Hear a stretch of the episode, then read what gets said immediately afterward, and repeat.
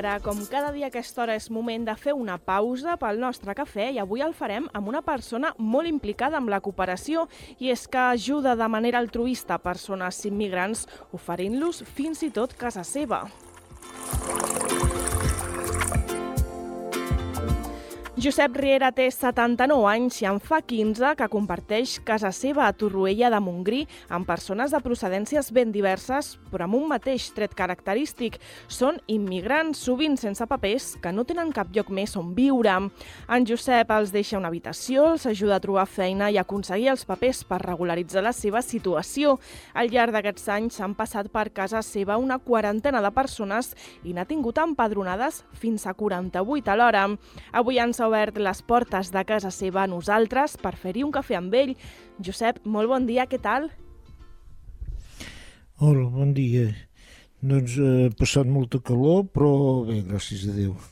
Sí, la veritat que aquest any la calor està sent especialment intensa. Saludem també a l'Ona Vila de Ràdio L'Escala, que ens acompanya. Ona, bon dia. Tu com portes la calor? Anem fent, també, suant una mica. doncs comencem aquesta conversa Uh, si us sembla, Josep, jo li volia preguntar, per començar ara mateix, a quantes persones viuen amb vostè? Perquè m'ha explicat aquesta història que vostè ofereix la seva pròpia casa a aquestes persones que ho necessiten. Ara mateix, en aquests moments, quantes persones hi viuen? Doncs bé, ara mateix eh, conviuen a casa amb mi eh, persones, i un altre que està a punt de venir, no sé quin dia arribarà, però eh, fa una estada una miqueta més llarga eh, de lo normal en el seu país, m'ha dit que d'aquí pocs dies vindrà, o sigui que serem nou i un servidor deu. Mm -hmm. Déu-n'hi-do. I quina és aquesta situació de les persones que viuen amb vostè?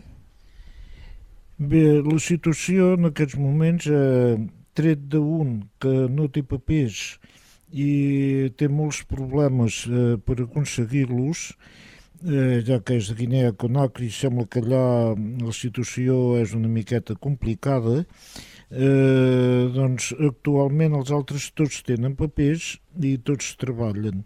Alguns han tingut els papers gràcies a haver vingut a viure aquí i, i d'altres doncs, eh, alguns estaven malalts, quan van venir aquí tenien papers, però estaven malalts, aquí s'han recuperat i han començat a fer una vida normal. Uh -huh. Com, com fa per poder aconseguir uh, ajudar-los d'aquesta manera? Perquè, com dèiem, uh, també els ajuda a compartir a aconseguir aquests papers, a regularitzar la seva situació. No sé si de vegades, com ens comentava ara aquest cas de Guinea, és complicat. Bé, eh, de veritat que moltes vegades és complicat eh, aconseguir que mm, puguin gaudir de tots els seus drets. Uh -huh. El fet que per llei no puguin treballar durant tres anys com a mínim uh -huh. des del dia que han aconseguit empadronar-se doncs els dificulta molt el, el poder entrar en el món laboral -huh. S'han d'agafar la feina que troben i moltes vegades eh, són feines que ells ni menys havien pensat fer-los mai. Eh, S'han d'anar adaptant. En aquí a vegades diem, mira, si han vingut de fora que s'adaptin, però que s'han d'anar adaptant si volen aconseguir els papers i, i tenir tots els seus drets és bastant complicat. Les, la burocràcia, les lleis, doncs, impedeixen que puguin fer una vida eh, una miqueta normal, una miqueta lògica, que seria tinc ganes de treballar, doncs em donen permís, o sigui, tinc ganes de treballar i trobo feina, doncs que em donin permís i començo a treballar i em començo a guanyar la vida. Mm, si no fa tres anys que estan empadronats i a vegades costa Déu i ajuda eh, aconseguir empadronar-se, uh -huh. doncs no poden treballar. I de què han de viure? Uh -huh. I com arriben a casa seva, Josep? Com saben que vostè els acollirà? Com arriben a casa seva? Com arriben? Eh, bé, eh, ells amb ells s'ho van dient i eh, a Torroella eh, pràcticament podem dir que tots els immigrants em coneixen. Jo no els conec pas a tots, però ells l'un amb l'altre es diuen les ajudes que han rebut i, i s'animen ells mateixos a venir-me a veure. N'hi ha que comencen per demanar-me que de rebre, per rebre la correspondència a casa i, i bé, de les formes més diverses, però tots em coneixen. Jo no, no els conec a tots com ven aquí, però ells em coneixen a tots. És més fàcil que 10 coneguin a un que no pas un conèixer en 10. I no sé si a Josep els demana alguna cosa a canvi. Imagino que aquestes persones que conviuen amb vostè estaran superagraïdes, uh, però de fet uh, ho fa de manera altruista. Doncs sí, eh, si no treballen, o sigui, mentre no treballen eh, no els hi demano res. I fins i tot els primers dies de treballar, si no tenen pas una feina, una feina legal, doncs no els hi demano res. Però quan comencen a guanyar-se la vida, llavors els demano que col·laborin una miqueta eh, amb les despeses que ocasionen. Eh, naturalment hi ha despeses de llum, d'aigua, de gas, a vegades de manutenció. Per exemple, eh, aquí ningú compra patates. Jo compro una caixa de patates i mentre n'hi ha tothom tira de les patates. Uh -huh. I aquí diu patates diu ous i, i diu arròs i tantes altres coses que naturalment necessito que algú em doni una miqueta un cot de mà Clar. i aquí més lògic que ells mateixos quan comencen a guanyar-se la vida doncs que col·laborin. Segons l'espai que ocupen eh, els hi demano una mica més o una mica menys els que ocupen els espais eh, doncs, menys agradables els hi demano 60 euros cada mes. Uns altres que ocupen espais eh, que són compartits, Uh -huh. eh, ens n'hi demano, però que són una miqueta més dignes, doncs ens n'hi demano 90. I els que tenen una habitació per ells tots sols, si poden, que me'n paguin 110. Uh -huh. Perdó, 130 ens n'hi demano, els que, els que tenen una habitació per ells tots sols. Si poden, si no poden, s'instal·len i, bueno, d'una manera o altra fent per anar pagant els gastos. I conviure tanta gent, Josep, no deu ser fàcil. Com us organitzeu? Bé, com que cada, un, o sigui, cada persona és un món, no em puc posar eh, una miqueta o sigui, gaire amb la vida d'ells. Però eh, exigeixo que hi hagi respecte i a partir del respecte cada un que faci el que vulgui. Eh, si volen menjar a casa doncs a l'hora de l'àpat, que hi mengin, si, volen, si es volen fer la vida per seu compte que se la facin, eh, si eh, que entrin i que surtin a l'hora que ells vulguin, mentre una hora prudencial doncs, siguin a, a casa. N'hi havia un que acostumava a venir a les 3, a les 4 de la matinada, i vas dir, home, no veus que això no pot ser? Estàs aquí molestant a la gent que estan dormint, em des, a vegades en despertes algun, eh, hem de tenir una miqueta d'ordre aquí, i, i bueno, li, el vaig convèncer i ara es retira igual que els altres. Ell, entre 10 i 12 del vespre, segons els dies, doncs ja és a casa.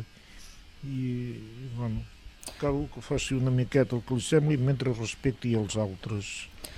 Josep, i quant de temps acostumen a estar aquestes persones amb vostè? Perquè eh, imagino que també el fet de conviure, no sé si eh, es creen vincles entre vostè i, i aquestes persones.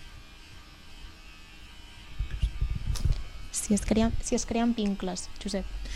Bueno, eh, vincles, eh, no hi ha dubte, eh, es van creant vincles.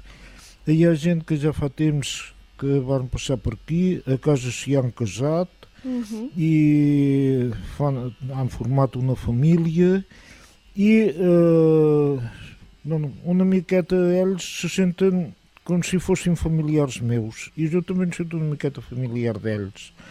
Eh, N'hi ha un que treballa l'hora que abans jo treballava i té, eh, sigui, a casa es va casar, actualment té tres filles i aquestes tres filles sovint els aporta a veure'm i no sé, els hi diu que jo sóc, no sé, el seu avi Vull dir, es van estranyant vincles, sí, sí, sobretot si la gent es comporten. Uh -huh. Ara, si n'hi ha algun que no es comporta, eh, aquell aviat eh, em pren per una mala persona. si no es comporta no els convido a sortir de casa. Una mala persona no crec que puguin pensar que és vostè, tenint en compte com ajuda a, a aquesta gent. Seria molt injust, eh, Josep? Perdoni em que, consideren que, que, una que miqueta una mala persona perquè està capaç de treure'ls quan no sabien on ficar-se. Però s'haguessin comportat. Clar. S'ha de tenir Bé. també uns límits i, i, i respectar unes normes. I, Josep, coneix algú més que faci aquest servei com vostè, que acolli persones a casa seva? Bé, precisament eh, fa pocs dies em varen trucar de Sant Fruitós de Bages que allà hi ha unes quantes persones que estan fent alguna cosa semblant al que jo faig i em volen venir a veure ara un dia per mirar de muntar una campanya de sensibilització a favor del, dels immigrants perquè consideren que hi ha una campanya eh, molt ben orquestrada a favor dels refugiats, mentre en els immigrants només fa que posar-los i pegues. Eh, els immigrants moltes vegades se'ls passen més malament en els seus països estan en pau que no pas els mateixos refugiats de guerra. Uh -huh. Eh, a més, aquí a Torroella sé que hi ha eh, moltes famílies que si no obren les portes perquè vagin a viure a casa seva, sí que els acullen, a vegades celebren festes junts, eh, els ajuden moltíssim. Naturalment, jo puc fer el que faig perquè visc tot sol, no tinc una família, i per tant faig el que em dóna la gana -huh.